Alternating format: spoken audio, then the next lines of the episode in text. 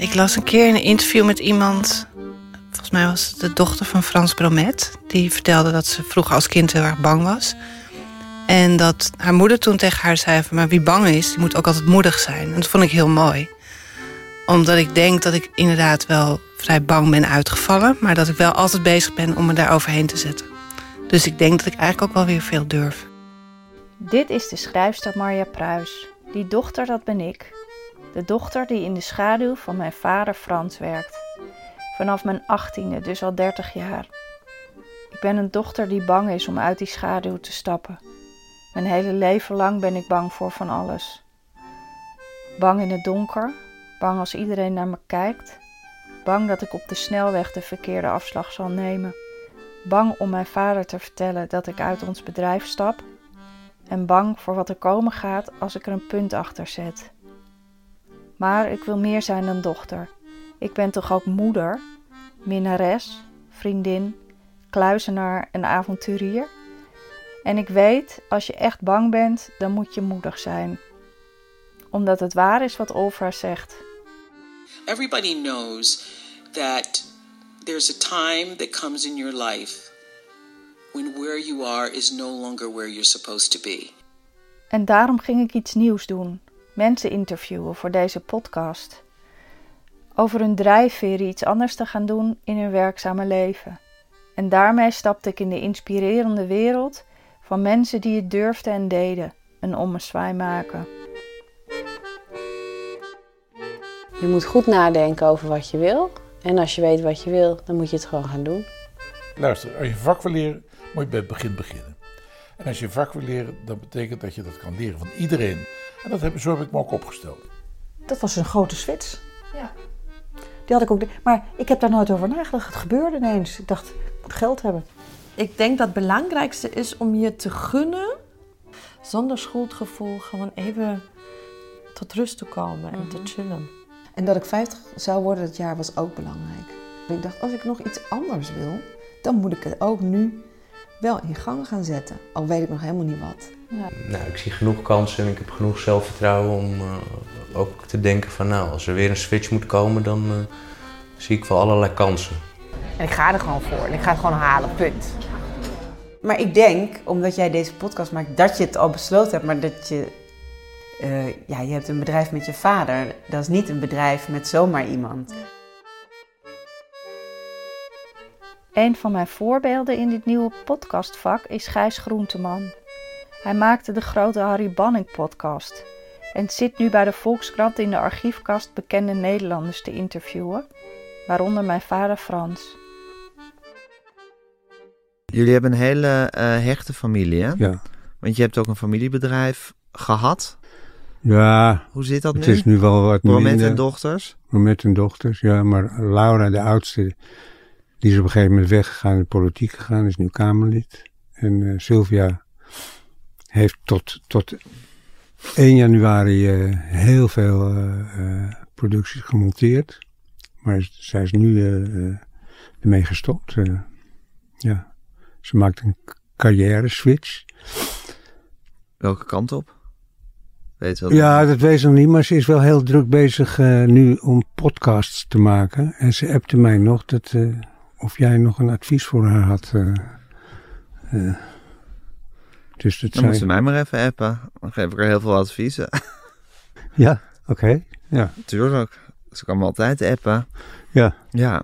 Ja, om dat nu in deze podcast via jou aan haar door te gaan geven, vind ik een beetje omslachtig. Ja, nou Ik ja. weet ook niet wat voor advies ze wilt. is het trouwens. meteen opgenomen, dus... eh, Ja, dat is waar. Ik kan het gewoon rustig terugluisteren. Ja. Ja, wat voor soort adviezen heeft ze nodig? Wat wil ze weten, denk je? Ja, dat weet ik niet precies. Nee. Kijk, zij, zij is door het monteren is ze echt ontzettend goed in het maken van een verhaal. En eh, dus ze, ze doet interviews met mensen. Ze, ze heeft als, als thema voor een serietje die ze nu maakt... eh, eh, mensen die een carrière switch maken. En nou ja, dat, dat monteert ze en dat worden echt hele leuke podcasts. En dus audio. Audio, ja. Daar ben ik ontzettend nieuwsgierig naar.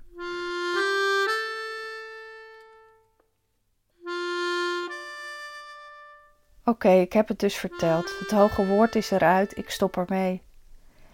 Tijd om met Frans te praten over onze ommezwaaien. Hij maakte die op zijn 46ste. Ik was toen 21 en studeerde en woonde in Amsterdam. Wij spraken niet met elkaar over zijn overwegingen. Maar ik voelde wel hoe zwaar zijn werk als cameraman bij speelfilms voor hem was. Nou, het kwam vooral doordat ik uh, uh, veel bij speelfilms werkte en dat ik dat steeds minder leuk ging vinden, steeds meer stressvol.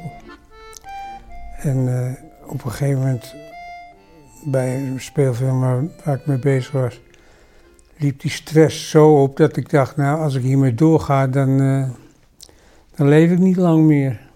En welke speelfilm was dat? Uh, de, na de, naam is me even ontschoten.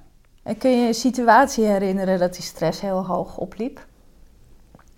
Nou, dat was, dat was al door zo. Kijk, ik werd er gewoon gek van. Ik had, ik had al iets van 35 speelfilms gedaan als, uh, als cameraman. En uh, ik moest altijd maar, er moest altijd maar bezuinigd worden op, uh, op het maken van de film. En de producent vulde zijn zakken. Ja, en dat, dat betekende bijvoorbeeld dat, uh, dat er altijd uh, onervaren assistenten werden ingehuurd, want ervaren assistenten waren een stuk duurder.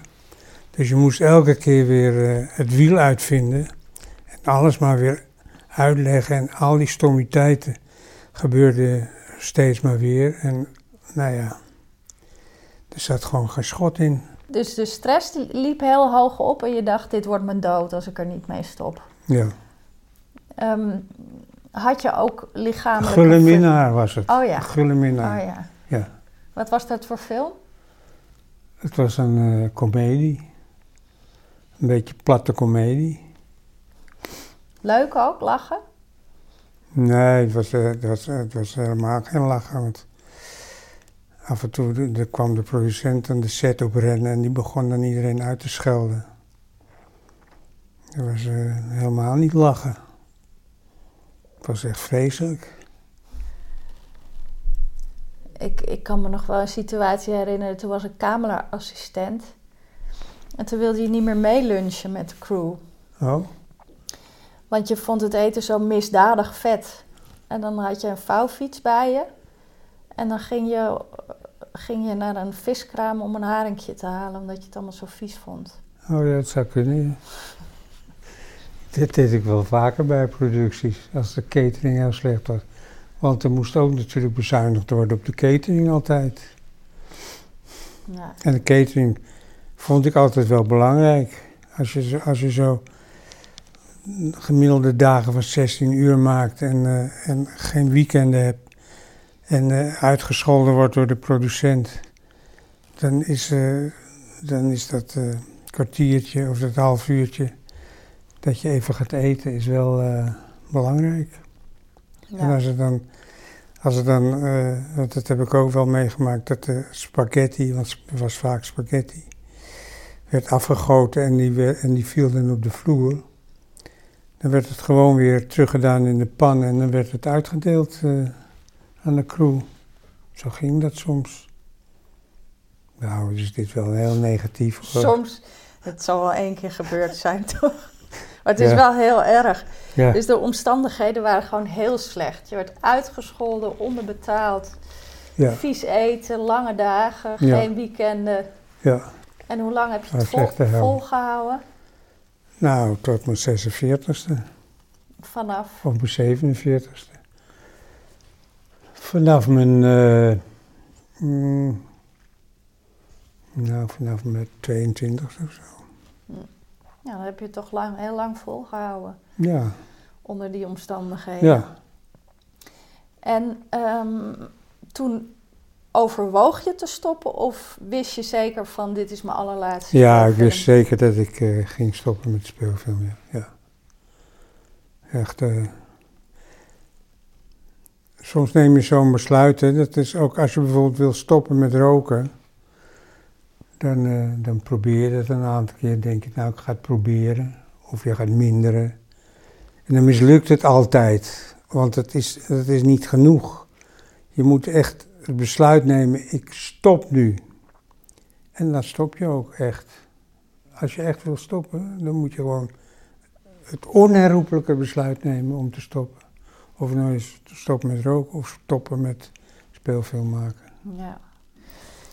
Hey, en ehm, nu maak ik ook een soort ommezwaai. Hè? Want Ja. ik heb gezegd dat ik, eh, dat ik wat anders wil, andere creatieve wegen. En ik ben nu met die podcast bezig. Ehm, voor mij waren de omstandigheden natuurlijk niet zo, zoals jij ze beschrijft. Van, nee, eh, maar je zeg- hebt weer andere drijfveren. Ja. En wat, wat begrijp jij ervan dat ik dit doe? Hoe zou je dat... Nou, Als je het aan iemand anders zou vertellen, hoe zou je het dan Ja, ik vertel het wel eens aan, eh, aan anderen dat ik het wel moedig vind. En eh, ja, omdat het toch eh, ja, behoorlijk veel onzekerheid geeft.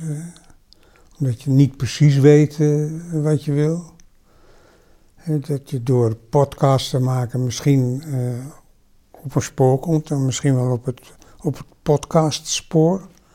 Hoewel dat... eh, ja, het probleem is dat er niet echt een verdienmodel is. eh. dus om, eh, om je brood te verdienen met het maken van podcasts, dat lijkt me wel heel moeilijk. Maar ja, misschien kom je gewoon op, op andere dingen daardoor weer. Ontmoet je mensen en situaties. Dus ja, je, je moet er ook even tijd voor uittrekken. Ja. Maar ik vind het, ik vind het wel eh, heel logisch dat je, dat je er een punt achter zet. Het is gewoon een heel erg zwaar vak. Huh? Dus- Zwaar in welke zin? Nou. Ja, ik zou, ik zou er veel te onrustig voor zijn. Ik zou die, die rust om daar dag in dag uit, week in dag uit, op een stoel te zitten, dat zou ik absoluut niet kunnen volhouden. Maar ja, dat is voor anderen waarschijnlijk toch weer anders. Eh, het is ook heel ongezond om alsmaar te zitten. En eh, ja, je, je spant je vreselijk in. Het is een heel erg eh, beroep. Je moet allemaal als, alsmaar weer oplossingen bedenken. Dat, wat ook natuurlijk wel leuk is. En dan, dan, komen, de, dan komen de mensen van de omroep kijken. En eh, die beginnen dan te zeiken. Ja. Elke keer weer. Ja. Maar ja, dit, eh, dit kan ik eigenlijk niet zeggen ten opzichte van onze opdrachtgever. Ja, dat. Iedereen heeft er toch behoefte aan waardering te krijgen en gezien te worden. En iedereen wil plezier hebben in zijn werk. Dat hoorde ik ook terug in de verhalen van mijn hoofdpersonen van deze serie. Het troostende is, we zitten toch allemaal in hetzelfde schuitje. Als je zelf het gevoel hebt van het gaat de goede kant op en je hoort van het, er komt geen reactie meer. Uh, dus toen dacht ik van dan ben ik ongelukkig. Ja, je bent je die hele tijd zelf aan het coachen. Je bent eigenlijk nooit echt ontspannen. Want je hebt da duizend dingen in je hoofd. Uh, die klant en die ontwerper en die bestelling en die levering en dat nog. En weet ik veel. En die winkel met personeel. Dus daar was altijd was daar iets. Ben ik er een leuke persoon op geworden tijdens die periode met dat hele harde werken? Nee. Ik had helemaal geen plezier in mijn werk. Ik dacht, nou ja, je kan niet alles hebben. Hè? Het was het moment dat ik dacht, als dit de consequenties zijn van mijn werk, dan kan ik dat niet meer dragen. Jezus, wat een tijdverspilling, al die jaren dat doen. En het voelt natuurlijk wel als een nederlaag. Maar het was ook een enorme opluchting. Ik wist het eigenlijk. Ik dacht ja. Ik dacht gewoon ja, natuurlijk. Het is ook, ik dacht het twee jaar geleden misschien ook al, maar toen durfde ik nog niet of zo. Het is ook een soort. Het is natuurlijk eng om, om, om een stap te zetten en helemaal je los te maken. Ja, het is ook afscheid nemen van ja. iets wat je heel lang hebt gedaan. En je kan het wel bedenken, maar op het moment dat je het uitspreekt, is het echt. Ik had altijd wel teruggekund, maar ik vond dat wel, dat was het moment dat het stopte. Ja. Maar toen ging je iets achter je laten, maar wist je toen wel wat, wat je dan zou gaan doen?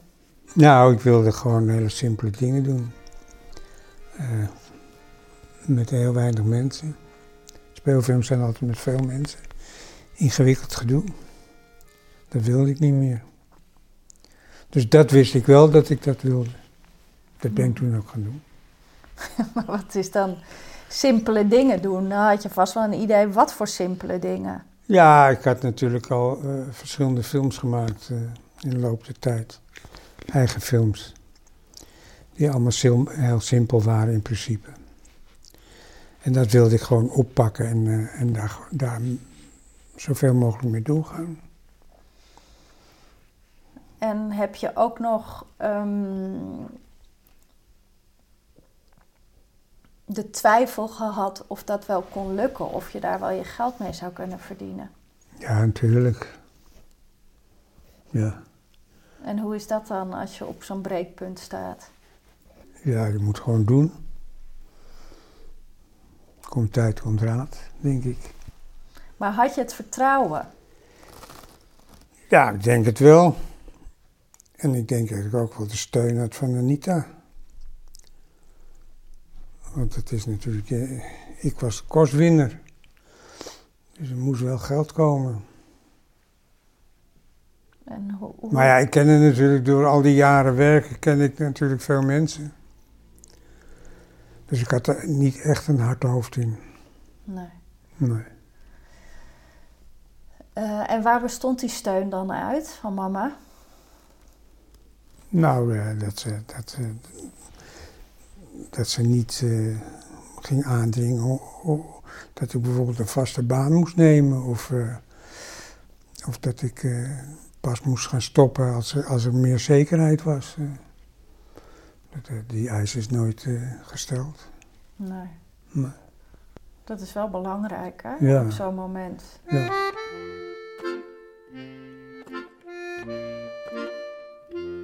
Lucas, mijn man, mijn geliefde, juicht het toe dat ik mijn eigen route ben gaan volgen. Hij zegt dat we het wel redden samen, ook al moeten we de komende tijd een stuk zuiniger aan gaan doen. Dat er wel weer nieuwe kansen op mijn pad komen en ik gewoon nieuwe plannen moet gaan maken.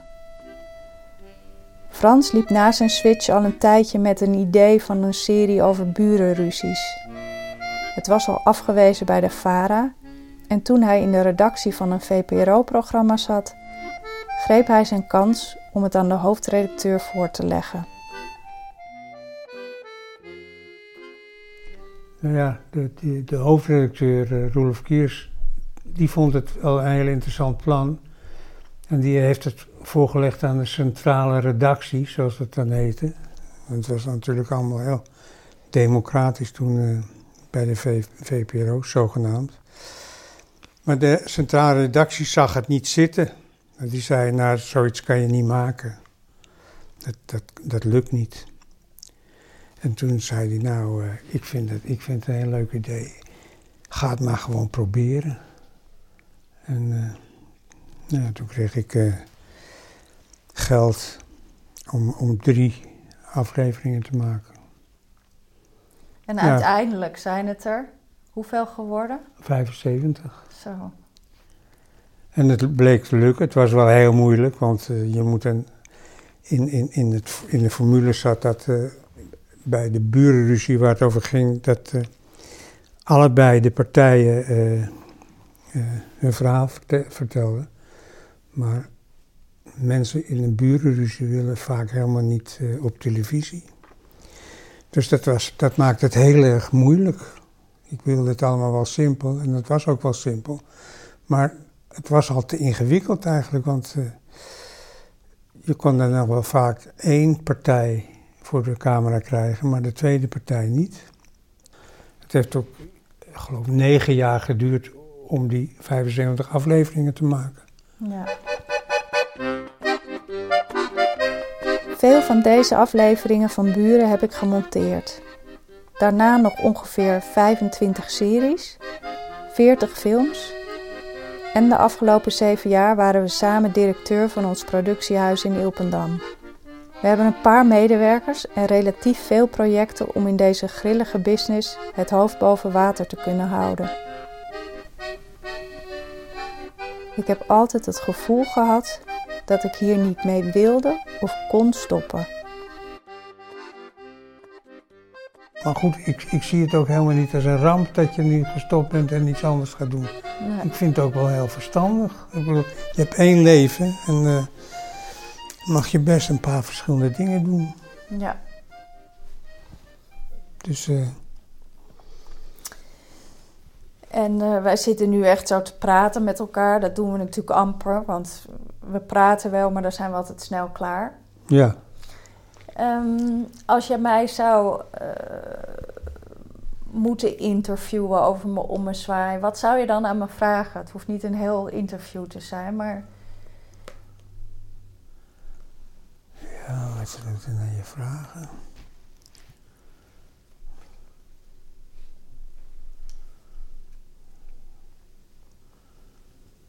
Nou ja, eh, ik zou iets vragen over je verantwoordelijkheidsgevoel, hè? denk ik. Dat je zo enorm hebt ingezet voor het bedrijf. Het komt denk ik allemaal voort uit, eh, uit het verantwoordelijkheidsgevoel van als ik het niet doe, dan, eh, dan gaat het niet goed. Dus ik moet er wel voor zorgen dat het goed gaat. Ja, dat is niet echt een vraag. maar, nee, eh, dat, dat zou je niet. wat is precies de vraag? Ja, je hebt je enorm in het bedrijf ook eh, ingezet. En waarschijnlijk ook wel veel te intensief. Want dat had niet gehoeven. Nou, dus ja, dat had niet gehoeven, nee. Ik wil niet dat het bedrijf dan eh, even goed eh, geruild en gezeild zou hebben. Maar goed, dan maar wat minder. Dus jij vindt dat ik het eigenlijk te goed heb willen doen? Nou ja, voor, die- daardoor heb je het te zwaar gemaakt voor jezelf. Ja, ja. Ik weet het ook niet precies hoor, maar je moet natuurlijk wel, je moet wel een beetje de vinger aan de pols houden, ook over, met, met heel veel dingen. Maar heel veel dingen gaan ook wel min of meer vanzelf. En een beetje bijsturen is vaak al genoeg. Ja, maar zo heb ik het ook altijd wel gezien. Ja. Ja, jij dus blijkbaar niet. Jij vindt dat ik er te veel op zat. Nou, ja, dit, dit is geen kritiek. Nee. Je zet er veel meer op dan ik ooit op gezeten heb. Ja, oké. heb En nu, eh, nu je eh, eh, de- niet meer, bijna niet meer bent, zie ik ook wel dat er zit nu veel minder pit in het bedrijf. Ik moet, er gebeurt eigenlijk niks meer. Nee. En, we missen dat wel. En ook voor het bedrijf is het een behoorlijke ommezwaai, denk Ja. ik. Ja.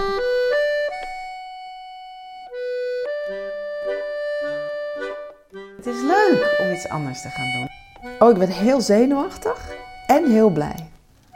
Dus ik riep, ja, dat is goed. Ik doe het wel. Dus ik ga gewoon biodynamisch boerin worden. Af en toe denk ik, het wordt niks meer. Ik ben al bijna 50. Ja, maar ik was, eh, ik was toch 46 toen ik die carrière switch maakte. Dat, is, dat scheelt niet zoveel. Nee, want ik ben 48. Ja. Ja. Dus ik kan nog van alles. ehm, ja. Er wachten nog eh, enorme leuke dingen op je. Vandaag ben ik gaan lopen. Maak me klein bij elk geluid. Ben veel banger dan ik was. Toen ik nog stil stond, mag zo wezen. Maar ik kom eindelijk, ik kom eindelijk vooruit. Vandaag ben ik gaan lopen. Waar ik loop is van nu af aan een weg. Kijk me lopen, zeven sloten.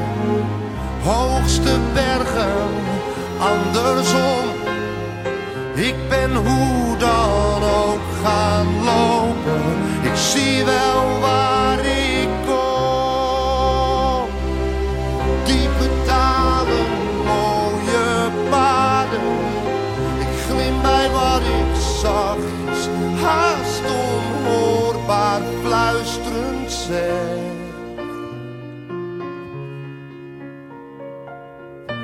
Waar ik gelopen heb, is van nu af aan een weg.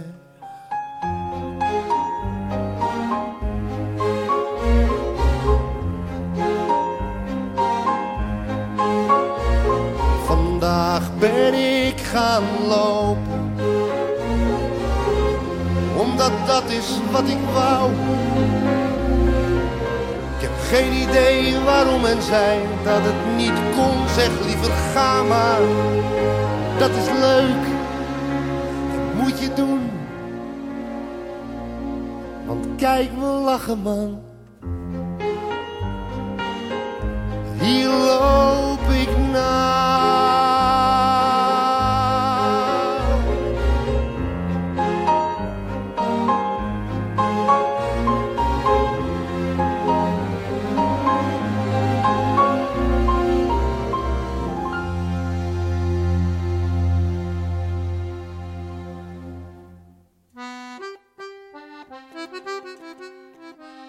Heb je genoten van deze laatste aflevering? Zeg het voort en laat dan een reactie achter. Dan kunnen andere luisteraars de podcast makkelijker vinden. De grote ommezwaai wordt gemaakt door mij, Sylvia Bromet. De muziek is van Accordeon Melancholique en de podcast wordt uitgegeven door Saar Magazine. Dank aan alle geïnterviewden en natuurlijk aan jou omdat je geluisterd hebt.